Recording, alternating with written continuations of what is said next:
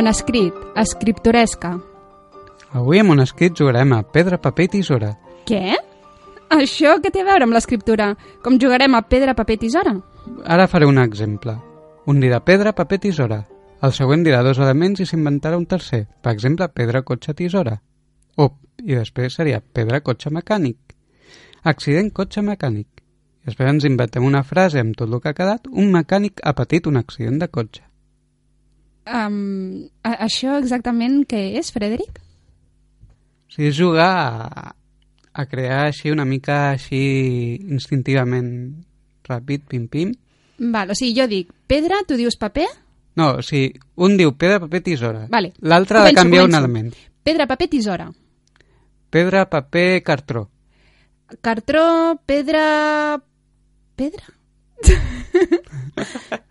I s'hauria de, fer, s'hauria de fer després un, un, una frase que sigui traductòria per fer un escrit, per exemple. Això és Sí, seria un, una idea bàsica d'un escrit, una, una espècie de títol. Un, no Va, seria doncs- ben bé un títol, però seria... Les tres idees per començar un escrit, per Exacte, exemple. seria... Ah, això, això. Que, uh, Marc, hola, bona nit, que Bona no t'hem dit res. guapos. O sigui, seria provocar un brainstorming. O sigui, aquí el que fem és pedra, un conflicte, un problema, paper, un element, un Mhm. objecte, i eh, tisora, pues, un personatge, un, una funció... Doncs, si vols, mira, podem començar. Si et va bé, Marc, tu dius o pedra, paper, tisora o una altra paraula, després ho dic jo, i després ho diu en Frederic, i a partir d'aquí, amb les tres que hagin sortit, en Frederic inventa una, una primera frase. Vale. Vale. I després ho provem nosaltres, a veure si ens en sortim. Vinga. Va, comença, Marc. He de dir pedra, paper, tisora? Sí, un, o pedra, paper, tisora o una altra paraula... Vale, doncs eh, pedra, paper, ràdio. Vale. Marc ha dit pedra, paper, ràdio. Jo dic uh, pedra, paper, escola. No, No, has d'anar de dir- canviant. Hauries de dir ràdio, pedra, escola. Entenc jo o no? Ràdio, pedra, escola. Sí? No, seria pedra, paper, tisora, pedra, paper, ràdio, Mhm. bueno, seria pedra, ràdio, tisora, en realitat, pues, eh, ràdio seria l'espai o el- Ah, vale. o l'objecte, Mhm. o sigui, seria pedra, ràdio, tisora. Llavors Vale. canviaríem tisora o paper Vale, llavors i seria faríem la seqüència. pedra, ràdio, i jo en comptes de tisora diria uh, llapis. Sí? Això és una mica complicat, És Frederic. una mica complicat, és una mica complicat. La tisora no és, ob... no és Clar, objecte. és que no... objecte, no? Sí, tisora és I un llapis també és un objecte. objecte, funció... Sí, Funció. Ah, com el verb, pots, uh, vols dir? Vale, llavors, pedra, paper, ràdio. Pedra, ràdio, Pedra, ràdio, tisora. Llavors hauria de dir pedra, ràdio i un verb. i un verb. Vale, pedra, ràdio, saltar. Com ho veus, Frederic? Pedra, ràdio, saltar. Apa, Sí. inventa. I ara com, en, com te'n surts d'aquesta? Aviam, aviam... Com, per exemple, uh, hi havia una, una pedra que va caure del cel i va, va fer malbé la ràdio i llavors em vaig enfadar tant que vaig estar saltant a sobre la ràdio fins que es va esmicolar tota. Per exemple, això Sí? ja seria un microescrit directament. Mhm. Sí, sí. Ah, doncs està bé la teva, la teva idea Sí, un de- de- d'escriptura creativa. Sí, sí. Clar, primer hem de conèixer ben bé les normes, Marc. Sí, clar. Més o menys. O sigui, la, la, la idea és que hi hagi un, un problema Un conflicte. o un conflicte o un... Que seria el, el, la pedra, la pedra seria el Sí. conflicte. Ah, vale. La pedra és el conflicte? El paper, ho he fet malament abans, hauria de ser el personatge Vale. i la tisora l'objecte. Vale, vale, vale, ara Conflicte, ho entenc. eh, personatge i objecte. Vale, doncs ara començo jo. Aviam, pedra, paper, tisora, pedra, conflicte, um, baralla d'enamorats. I després, paper, tisora. I ara toca a tu, Frederic. Baralla d'enamorats, eh, lluitador, tisora. I ara tu, Marc. Mm, la tisora Um, és el verb. No, l'objecte, no? L'objecte. Ai, perdó. Objecte. Eh, Molt bé, Marc. Baralla d'enamorats, lluitador, ganivet. Ala. I ara, qui s'inventa la història? Jo, jo ja he fet la meva història, eh? Ja me n'he sortit, amb la ràdio Ah. esmicolada. Uns enamorats que estaven en el ring, en, entrenant-se, es van barallar, van agafar un ganivet i, i ella es va quedar ferida. Mm, I, vale. Eh, Bé. sí, sí. O també podríem dir... Aviam, era baralla, no? Era baralla d'enamorats. Baralla d'enamorats. Um... Què més era? Ui, ui, ui, Aqu- aquesta Aquest memòria... l'havia dit el Frederic. Uh, Sí. Aviam, Baralla- pedra, pedra és... Eh, No, baralla d'enamorats, després què era de la història? Uh, Hi havia un ganivet sí, Lluitadors. i lluitadors. Això. Vale. Doncs la meva història va de dos enamorats que sempre estaven barallats, però que eren uns lluitadors que anaven en contra de tot allò que sempre els feia por, no? De, ostres, i potser jo t'hauria de dir que, que t'estimo, però em fa por de dir-t'ho perquè després ens barallarem, perquè potser tu no m'estimes, però estaven enamorats. Llavors van decidir d'agafar un ganivet i començar a retallar totes aquelles pors que els feien mal. I llavors es van quedar tots dos despullats d'aquelles pors. Mhm.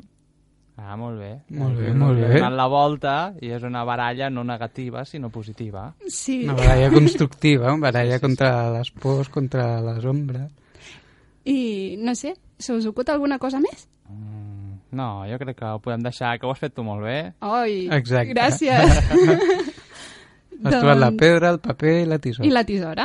Recordem, la pedra és el conflicte, el paper El és personatge el personatge i la tisora l'objecte o el lloc. o el lloc. Això ja va I gust. tens més jocs? Has portat més jocs avui de- d'escriptoresca, d'escriptora creativa, Avui, com Frederic? no sabia el temps que hi havia, però, aviam, podem crear un joc, eh, aquell de, de les paraules, Mhm. però diferent. O sigui, hi ha un cotxe, el cotxe és un vehicle, és un viatge... Transport, sí. Un transport, sí. O sigui, eh, més que buscar un sinònim o buscar que acabi per la, que comenci per la lletra que acaba l'altra o coses així, el joc és de d'associacions d'idees. Associacions d'idees. Ho entens, Marc? No, no, de moment no. No. A més a més, en Marc està posat d'una manera que no pot veure en Frederic ni la Sí, seva ara sí, cara. ara- ara sí? el veig, ara sí. que clar, el llenguatge no verbal també és important, però a la ràdio hem de recordar que els nostres oients no ens poden veure. Clar, pues, hem jugat així a pedra, pedra paper, tisora, perquè ja sabem com és el joc original. Doncs aquest de cotxe, és a dir, jo, per exemple, dic cotxe i Jo dic viatge, viatge. Vale, perquè té relació. I de viatge, en Marc diria... Uh, el, el que hauria de dir també, un, un, un símil. Sí, això, és un símil o és un... alguna una cosa paraula que, que t'inspiri per, per anar més enllà de la paraula original. Vale, O sigui, la idea és començar per cotxe i acabar, m'ho invento, en... Em surt, eh, en... Doncs fem una cosa, que en Marc comenci, que sempre el deixem va. aquí. Sí. Vinga, Marc. Um, creuer, Uh, navalla. Baralla. i ara jo m'he de muntar una història, no? Sí. Un creuer, un- una navalla i una baralla. Jolín, avui com estem? Sí, sí, avui estem barallats. Baralla total. Sí. Ostres, pues... És que a mi m'agafeu que jo sóc molt poc... A veure... Mm, mm, navalla, baralla... Doncs això eren, era una parella que es van apuntar a un concurs d'aquests que hi ha molt per Instagram, que a vegades diuen, mira, comparteix això i guanyaràs un creuer. Uh, amb la sort de que els hi va tocar un creuer, um, però només era per una persona. Mm. I, clar, hi havien d'anar dos. Uh, aleshores... Mm, mm, mm, mm, mm, van, s'ho van jugar a sorts i van dir, mira, tirarem una navalla al cel, si, si tu l'encertes que cau de punta, tu quedes per tu, i si encerto que cau de cul, m'ho quedo per mi. Mhm. i ja està. I aquí es va acabar la historieta. Està molt, Molt bé. bé. Molt bé, Marc. Perquè així la- l'oient pensa, com va acabar? Clar. Qui va anar al Sí, creuer? Jo que em pensava que tirem la navalla a dalt i si qui li caigui a sobre, Sí, doncs home, aquest és el que no hi va. eliminat, sí. No, home, no. No, no, no siguem tan... Eren parella, no. Vale. Doncs, aviam, ara començo jo. Mm, blau. Vermell. I de vermell? Eh, daltònic. Daltònic.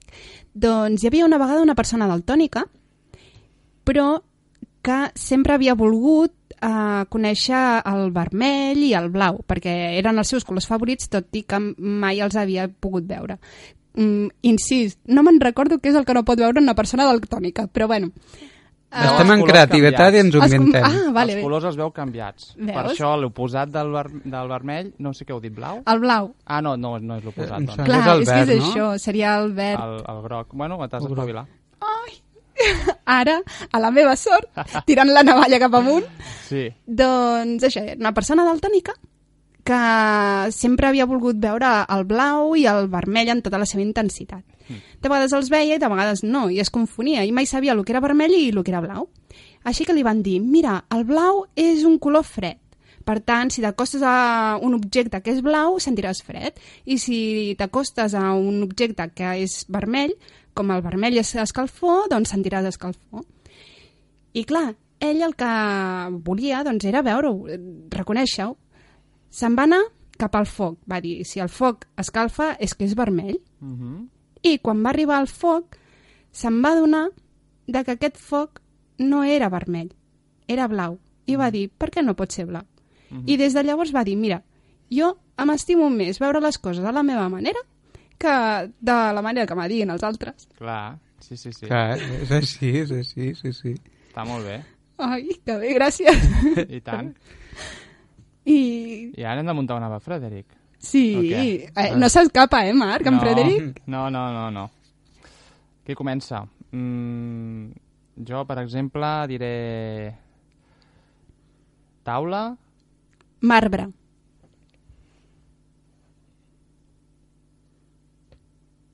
Mm, Ai, ai, ai.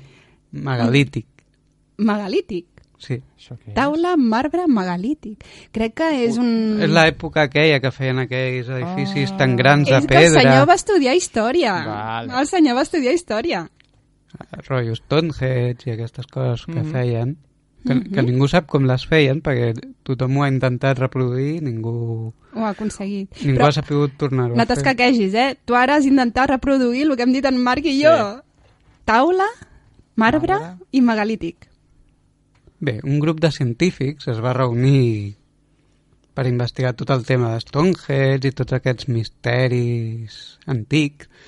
Van dir, com ho podien construir? Com?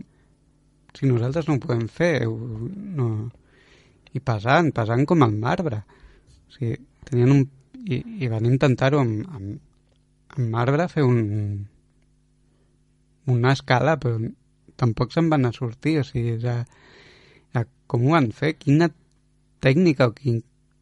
En, en aquella època que no tenien el que tenim ara, grues, camions, per portar tota aquella pedra, no podien i deien, com Mhm. és possible? O sigui, aquí, hi ha, aquí, aquí no s'han enganyat.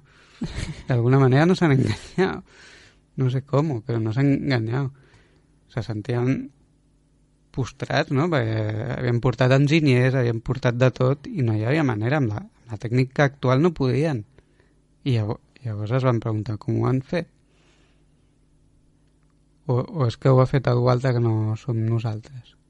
Es van preguntar. Els extra- extraterrestres, no? Sí, Diuen? amb el, amb el tema de les piràmides hi ha un gran mite, a veure qui les ha fet, qui no les ha Mhm. fet, que portaven les pedres a través del niu amb, amb roques del Nil, no s'ho creu ningú. Ningú.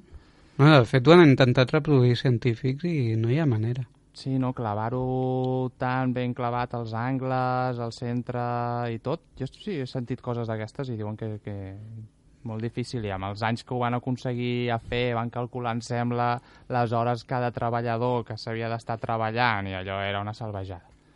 Mm. Eh, era impossible que fossin els humans amb la tecnologia que se suposa que tenien. Tampoc això està massa clar. Mm. Bàsicament perquè no hi érem per Així veure penseu que, que extraterrestres o que penseu superhomes, en plan gegants? Igual estaven millor alimentats que nosaltres ara, que volem estar tan prims i tan... no? Sí, no sé, jo, jo m'he mirat molt coses d'aquestes i Sí? sí, sí que m'ho arribo a creure una mica. Perquè si tu t'hi fixes, els, els egipcis es, esculpien en les roques tot el que feien, que si eh, eren agricultors, com eh, treien els productes del camp, que no sé què, però no hi ha cap dibuix de com havien fet l'obra més gran de la seva història, que és les piràmides. No n'hi ha cap. I després veus que adoren a, a sers, no? com sers mitològics, com Mm. Hades, no sé què, que podrien ser pues, la gent que els hi ve del cel. Bueno, això és Stargate, la, la pel·lícula Stargate. No Ah, sé sí, si l'has vist. Sí, sí, sí. Que també són... O sigui, fan servir a les piràmides com si fossin naus espacials. Mm. Sí, sí, sí. No, hi ha, hi ha molt de mite. No, i després la sèrie, tot i que no és del tot bona, La sèrie sí que té el punt aquest de, de, d'enfocar-ho en plan que extraterrestres pues, han desenvolupat aquests edificis i tota una cultura... Jo veig que us agrada molt la ciència-ficció. Pel que estic a veient, mi sí, a mi sí. doncs us agradarà el convidat que tenim avui, Àngel Aluart, mm -hmm. perquè li agrada també molt la ciència-ficció i també té llibres de ciència-ficció i també de mm, ficció fantàstica. Molt bé. Si voleu, eh, el truquem perquè pugui estar entre nosaltres. Vinga, som-hi. Vinga, Marc, Vinga. gràcies.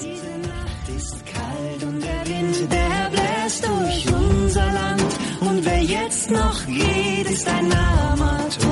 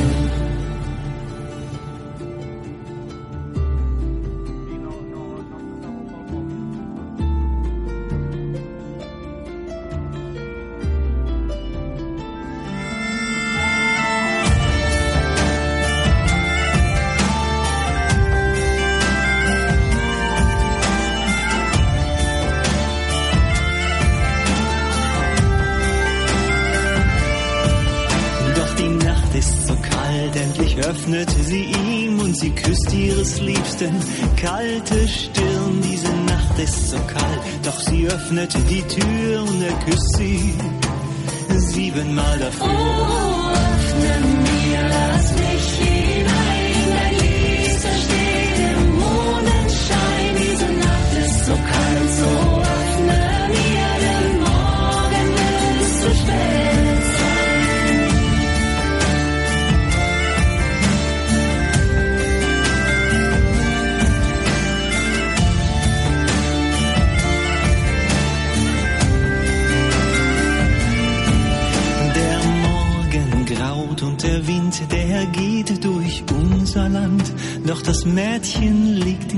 Liebsten Arm und danket sehr der kalten Nacht und dem Wind dafür.